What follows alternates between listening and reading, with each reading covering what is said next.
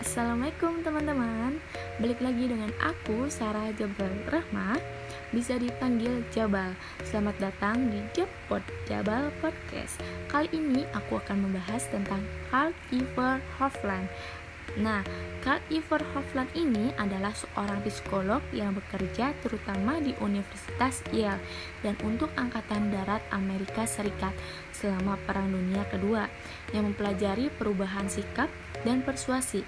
Dia pertama kali melaporkan efek tidur setelah mempelajari efek dari film propaganda Frank Capra Why We Fight pada tentara di Angkatan Darat.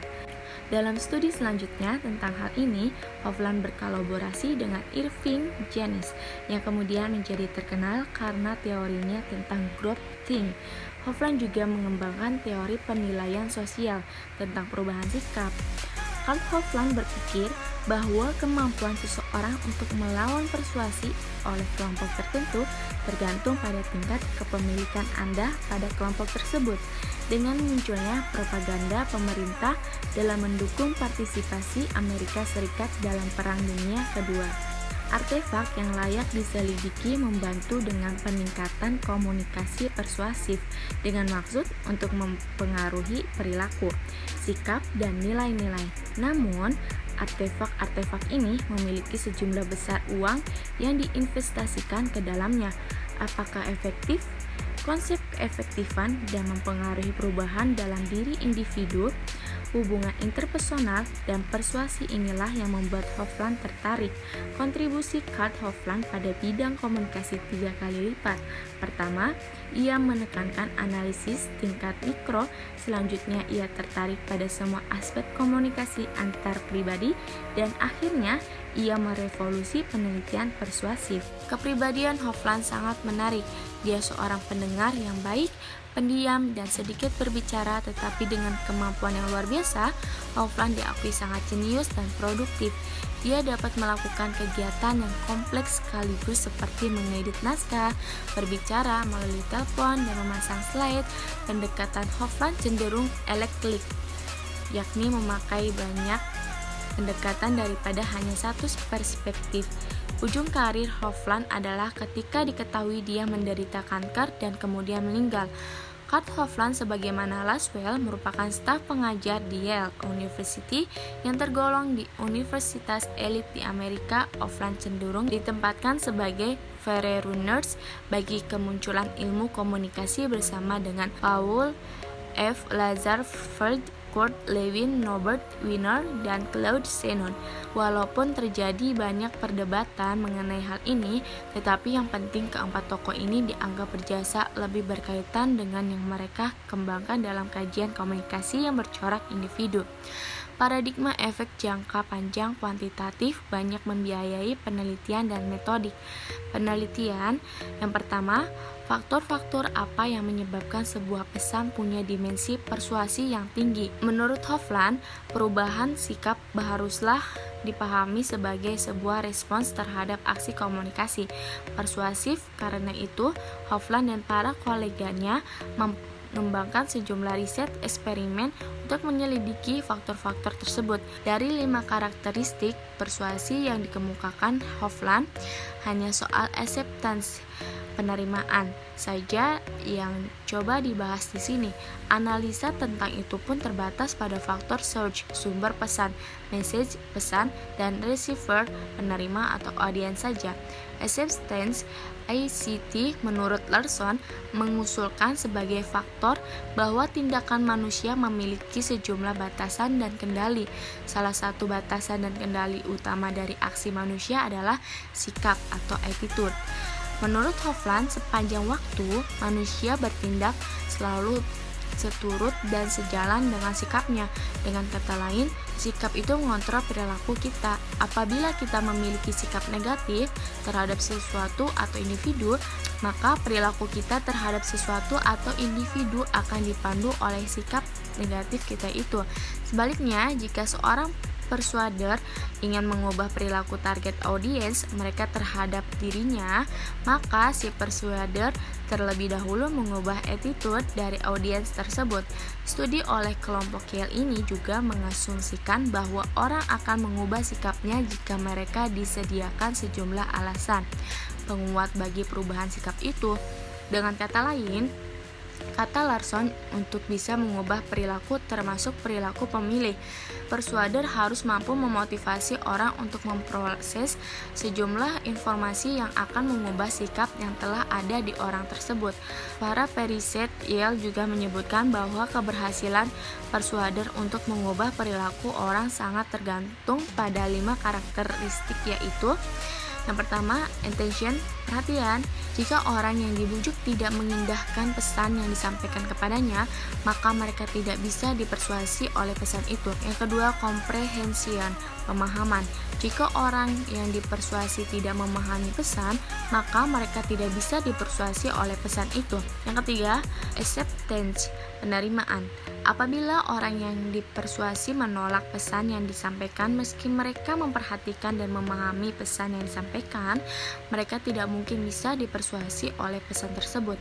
Hal inilah yang hal inilah yang akan dilihat secara lebih detail dalam tulisan ini. Yang keempat, retention Penyimpanan Dalam banyak kasus, manusia kadang menunda perubahan sikapnya setelah mendapat dan memahami sebuah pesan. Karena itu, mereka harus mampu mengingat pesan-pesan itu dan mau menyimpan di memori mereka sampai mereka rasa itulah saatnya melakukan tindakan. Yang kelima, action atau tindakan. Perisit Yale mengasumsikan bahwa orang bertindak dalam sebuah cara logis yang konsisten dengan argumen persuader. Larson membahas Larson menambahkan meski elemen-elemen di atas dianggap sama penting untuk menentukan sukses tidaknya sebuah persuasi dan penyampaian pesan. Namun kebanyakan studi yang dilakukan dalam tradisi Yale ini lebih fokus pada elemen ketiga yaitu acceptance. Studi-studi ini mencoba menjawab pertanyaan, faktor-faktor apa saja yang secara kuat bisa menyebabkan penerimaan sebuah pesan atau penolakan terhadapnya. Larson sendiri kemudian memakai model SMCR, Search Message Channel Receiver. Receiver sebagai kerangka untuk menganalisa sebab-sebab penerimaan dan penolakan sebuah pesan persuasif. Yang kedua, efek film terhadap tentara.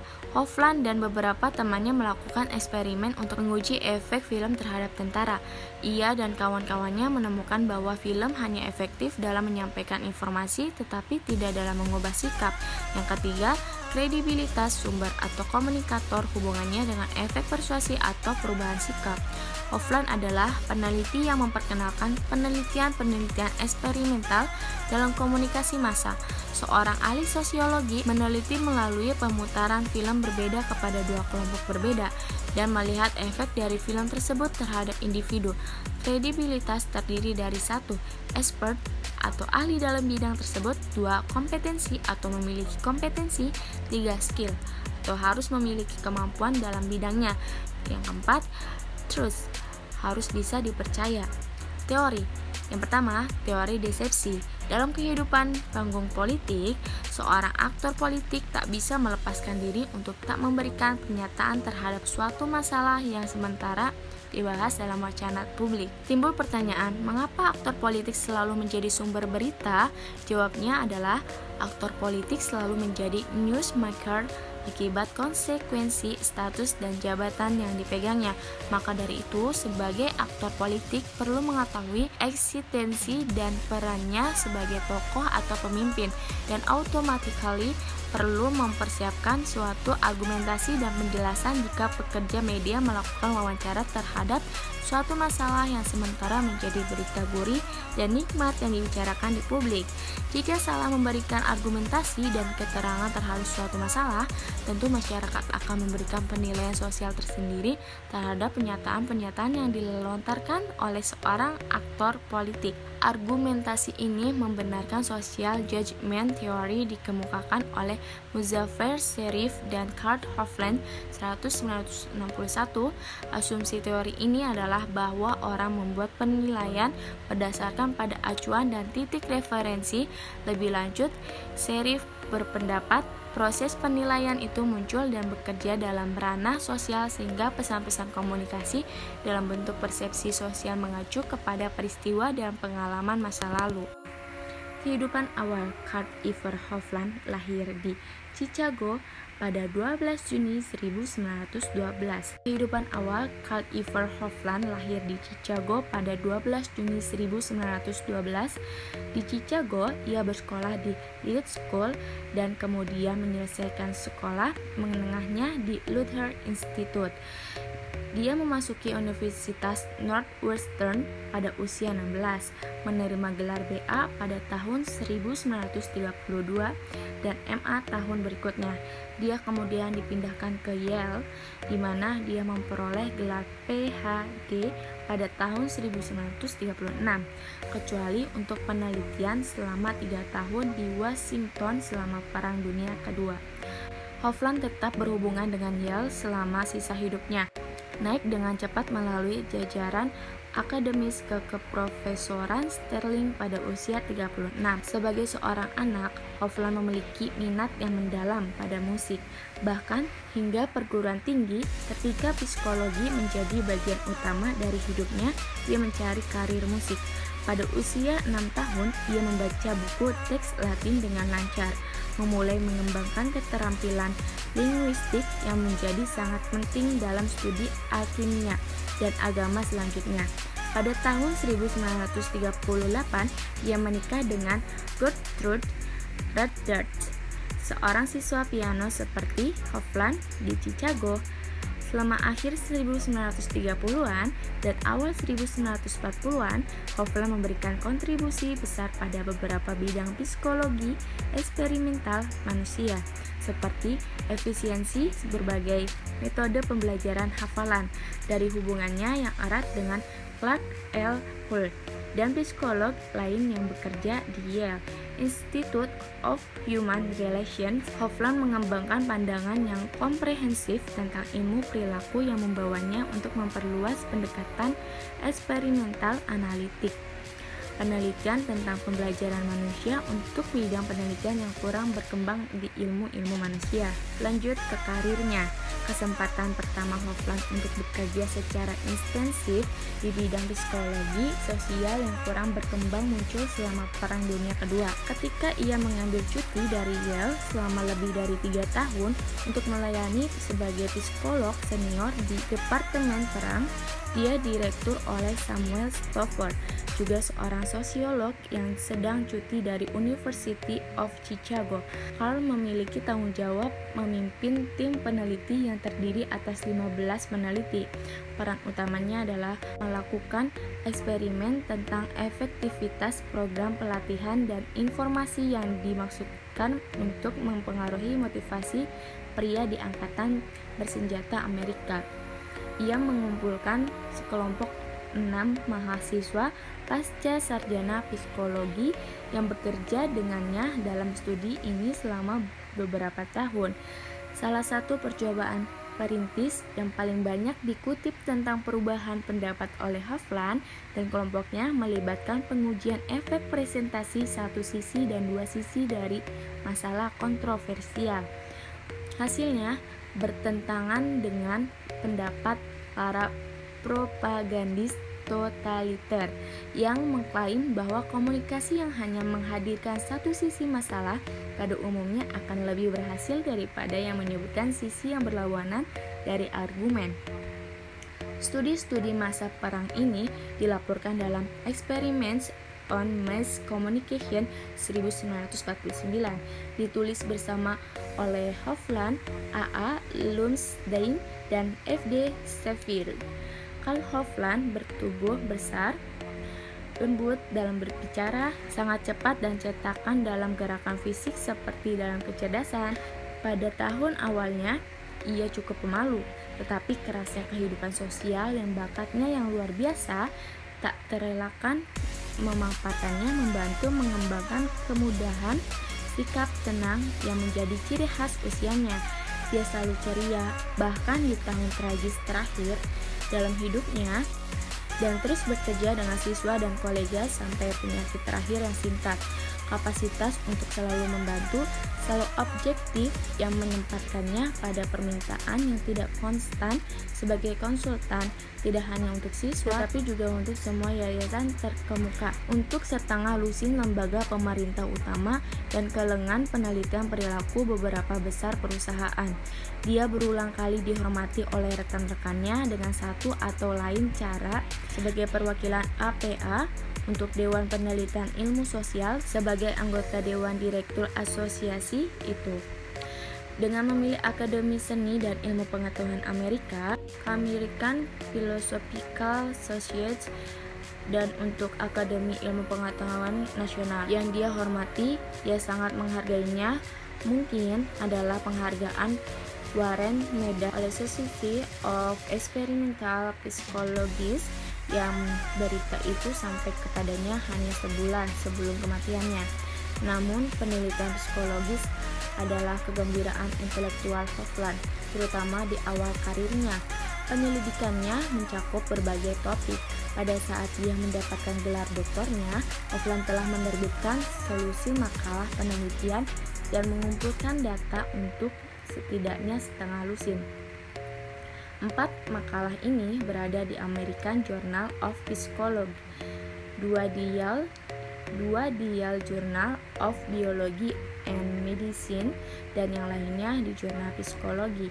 Makalah-makalahnya di jurnal-jurnal psikologi termasuk studi tentang uji reliabilitas, tinjauan utama literatur tentang gerakan nyata, serta empat makalah klasiknya tentang generalisasi terkondisi dari disertai doktoralan tinjauan utama literatur tentang gerakan nyata serta empat makalah klasiknya tentang generalisasi terkondisi dari disertasi doktoralnya. Setelah perang Hofland kembali ke Universitas Yale, di mana ia merekrut beberapa anggota tim peneliti masa perangnya, yang dengannya ia terus mempelajari faktor-faktor yang mempengaruhi efektivitas komunikasi sosial. Di antara penelitian Hofland yang paling terkenal adalah yang menjelaskan pengaruh prestis komunikator dan cara-cara efek prestis menghilang dengan berlakunya waktu. Misalnya, Hofland dan kolaboratornya menunjukkan bahwa ketika sebuah pesan persuasif disajikan oleh sumber yang tidak dapat dipercaya, ia cenderung didiskon oleh audiens. Sehingga segera setelah pemaparan ada sedikit atau tidak ada perubahan sikap. Tetapi kemudian setelah beberapa minggu sumber tersebut tidak lagi dikaitkan dengan masalah yang ada di benak audiens. Dan perubahan sikap positif muncul. Efek tidur ini terbukti menghilang seperti yang diperkirakan jika komunikator yang tidak dapat diterima dipulihkan beberapa minggu kemudian dengan mengingatkan hadirin tentang siapa yang telah menyajikan materi persuasif sebelumnya. Selama 15 tahun, Offline dan kelompoknya secara sistematis menyelidiki berbagai cara penyajian argumen, faktor kepribadian, dan proses penilaian yang masuk ke dalam perubahan sikap. Sementara mengejar penelitiannya sendiri, Hoffland terus mendorong rekan-rekannya di proyek Kiel, sebuah studi tentang kondisi di mana orang-orang kemungkinan besar akan mengubah sikap mereka dalam menanggapi pesan-pesan persuasif. Karya grup Yale pertama kali dijelaskan dalam buku Hofland Communication and Persuasion yang diterbitkan pada tahun 1953. Minat utamanya dalam beberapa tahun terakhir hidupnya adalah dengan pembentukan konsep yang ia dekati dengan simulasi komputer. Pada tahun 1952, ia menerbitkan demonstrasi bahwa masalah pembelajaran konsep dapat diselesaikan dengan mesin decoding hipotetis dan juga menyediakan sistem notasi dan analisis masalah pembelajaran konsep yang banyak diadopsi oleh peneliti lain di lapangan ini. Lalu di sini ada kontribusi. Pertama, Offline mulai menekankan analisis propaganda tingkat mikro dan dampaknya. Eksperimen tentara Hofland adalah awal dari analisis tingkat mikro seorang individu. Variabel inti konseptual Hofland adalah sikap. Dengan penelitian yang sudah ada sebelumnya dalam disiplin yang ditunjukkan untuk mengukur sikap dan untuk menyelidiki faktor-faktor yang terlibat dalam perubahan sikap. Itu berbeda bagi Hofland untuk datang dan melihat kecenderungan individu untuk bertindak ketika terpapar pesan persuasif. Hofland percaya bahwa jika ia mampu mengenali sikap yang dimiliki seseorang terhadap suatu pemicu, ia akan dapat memprediksi perilaku dan tindakan seseorang dari waktu ke waktu. Namun, ada banyak penelitian yang berpendapat sebaliknya dan menunjukkan bahwa sikap terhadap seseorang atau objek tidak memprediksi atau menjelaskan perilaku terbuka seseorang mengenai orang atau objek itu. Pengungkapan menarik tentang kolerasi rendah ini tidak serta-merta menjadikan temuan tidak berguna, tetapi malah menyebabkan penelitian lebih lanjut tentang bagaimana dalam keadaan tertentu sebenarnya mungkin untuk mengubah perilaku seseorang melalui sikap mereka. Sementara Hofland berfokus pada tingkat individu daripada kelompok. Ia mulai mempertimbangkan komunikasi interpersonal dalam bentuk persuasi. Secara khusus, Hofland bertanggung jawab untuk melakukan serangkaian studi yang berkontribusi pada pemahaman kumulatif perilaku persuasi yang belum pernah dicocokkan atau bahkan disaingi. Untuk menguji dan menerapkan teorinya, Hofland bekerja mengusulkan model SM, SMCR. Model SMCR terdiri dari empat komponen, variabel sumber, variabel pesan, variabel saluran, serta variabel penerima. Dengan memanipulasi masing-masing variabel ini, Hofland tidak dapat melakukan lebih dari mengisolasi suatu faktor daripada mempelajari sinergi antara variabel yang berbeda. Meskipun ada keterbatasan pada studi ini, sifat Hofland yang tabah dan rewel memungkinkan untuk badan penelitian yang dapat terus menyelidiki komunikasi interpersonal ini dalam bentuk penelitian persuasi. Seiring dengan tidak dapat menyelidiki interaksi dari elemen sumber, pesan penerima saluran dan interaksi mereka dalam suatu penelitian, penelitian Hofland bisa dibilang memiliki satu kelemahan lagi. Kelemahan dalam penelitian Hofland ini adalah bahwa komunikasi terjadi dalam arah tunggal dan sifatnya lebih linier. Komunikasi linier inilah yang membuat Hofland dan penelitiannya tampak seperti penyederhanaan berlebihan bagi beberapa pakar komunikasi. Hofland menyediakan penelitian baru dalam bentuk penelitian tingkat mikro, penelitian antar pribadi, serta penelitian persuasif. Hofland menggunakan penelitian eksperimental dalam studinya dan karena itu mampu melacak hubungan sebab akibat antar variabel. Dia menunjukkan efek dari berbagai elemen dalam model SMCR pada persuasi, sumber kredibilitas tinggi, tes kredibilitas rendah, efek tidur, jenis pesan, satu sisi, face dua sisi, banding ketakutan, dan saluran pada perubahan kognitif dan afektif. Pekerjaan Hofland sangat bagus sejauh menyangkut metode eksperimentalnya, tetapi kritik terhadap karyanya juga menemukan beberapa masalah penting. Secara khusus, ia telah dikritik dengan melihat individu sebagai tidak terhubung satu sama lain, meskipun ia menggeneralisasi mereka sebagai anggota audiens media. Dia menemukan efek kognitif yang kuat dari film-film perang pada penontonnya, tetapi dia mungkin secara prematur menyatakan media sebagai lemah dalam efeknya. Selain itu, hasil dari eksperimen tidak dapat digeneralisasikan dengan mudah ke populasi. Dia ingin menetapkan hukum persuasi tetapi harus puas efek variabel-variabel prediktornya pada persuasi individu dan yang terakhir ada kematian. Dalam dekade terakhir hidupnya, penelitian Hofland tentang konsep dan penilaian verbal membawanya ke dalam analisis intensif pembentukan konsep. Sekali lagi, ia memainkan peran perintis dalam mengembangkan bidang penelitian baru simulasi komputer dari proses pemikiran manusia. Sebulan sebelum kematiannya, ia merasa terhormat dengan penghargaan Warren Medal Associates of Experimental Psychologists. Carl Iver Hofland meninggal pada 16 April 1961. Ketika Hofland mengetahui bahwa ia menderita kanker, ia terus bekerja dengan mahasiswa doktoralnya di Yale dan melakukan eksperimen persuasif. Akhirnya, ketika dia tidak bisa bekerja lagi, dia meninggalkan kantornya di Departemen Psikologi, pergi ke rumahnya di New Haven, menggambar bak mandi yang penuh air dan menggelamkan dirinya. So, cukup sekian. Thank you for listening. Assalamualaikum warahmatullahi wabarakatuh.